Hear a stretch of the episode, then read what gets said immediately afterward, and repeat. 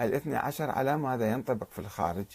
المروي في كتب الصحاح صالح السماوي البركات.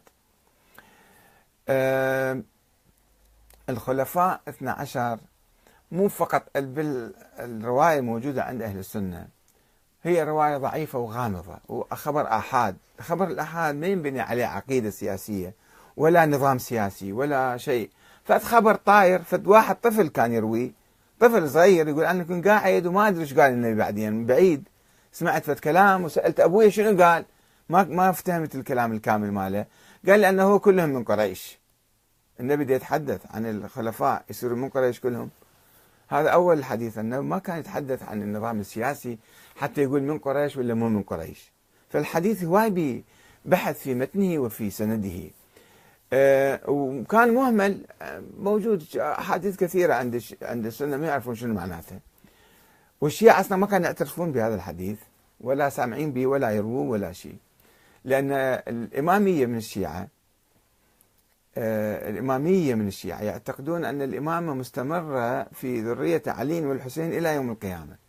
مو 12 واحد ولا 12 ألف ولا 12 مليون. ما بي عدد ما بي نهاية. إلى آخر يوم بالدنيا. فبالنتيجة آه، آه، لما آه، توفى الإمام الحسن العسكري وما عنده أولاد واختلقوا له فد ولد موهوم فيه وسووه بعدين جابوا الحديث من السنة هذا استوردوه وقصقصوه الحديث لأنه يقول سيكون بعدي 12 أميرا أو كذا ثم يكون الهرج والمرج. ما يقول يخلصون الأئمة 12 واحد أو الخلفاء. فالشيعة الاثنى عشرية الفرقة الاثنى عشرية ولدت في القرن الرابع الهجري. فجابوا هذا الحديث وقصقصوه لأن كان عندهم أئمة أكثر من 12 واحد.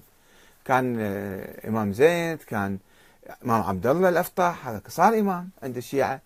آه، الإمام أحمد بن موسى بعد الرضا صار لأن جواد كان طفل صغير فما قالوا بإمامته قالوا أحمد بن موسى إمام.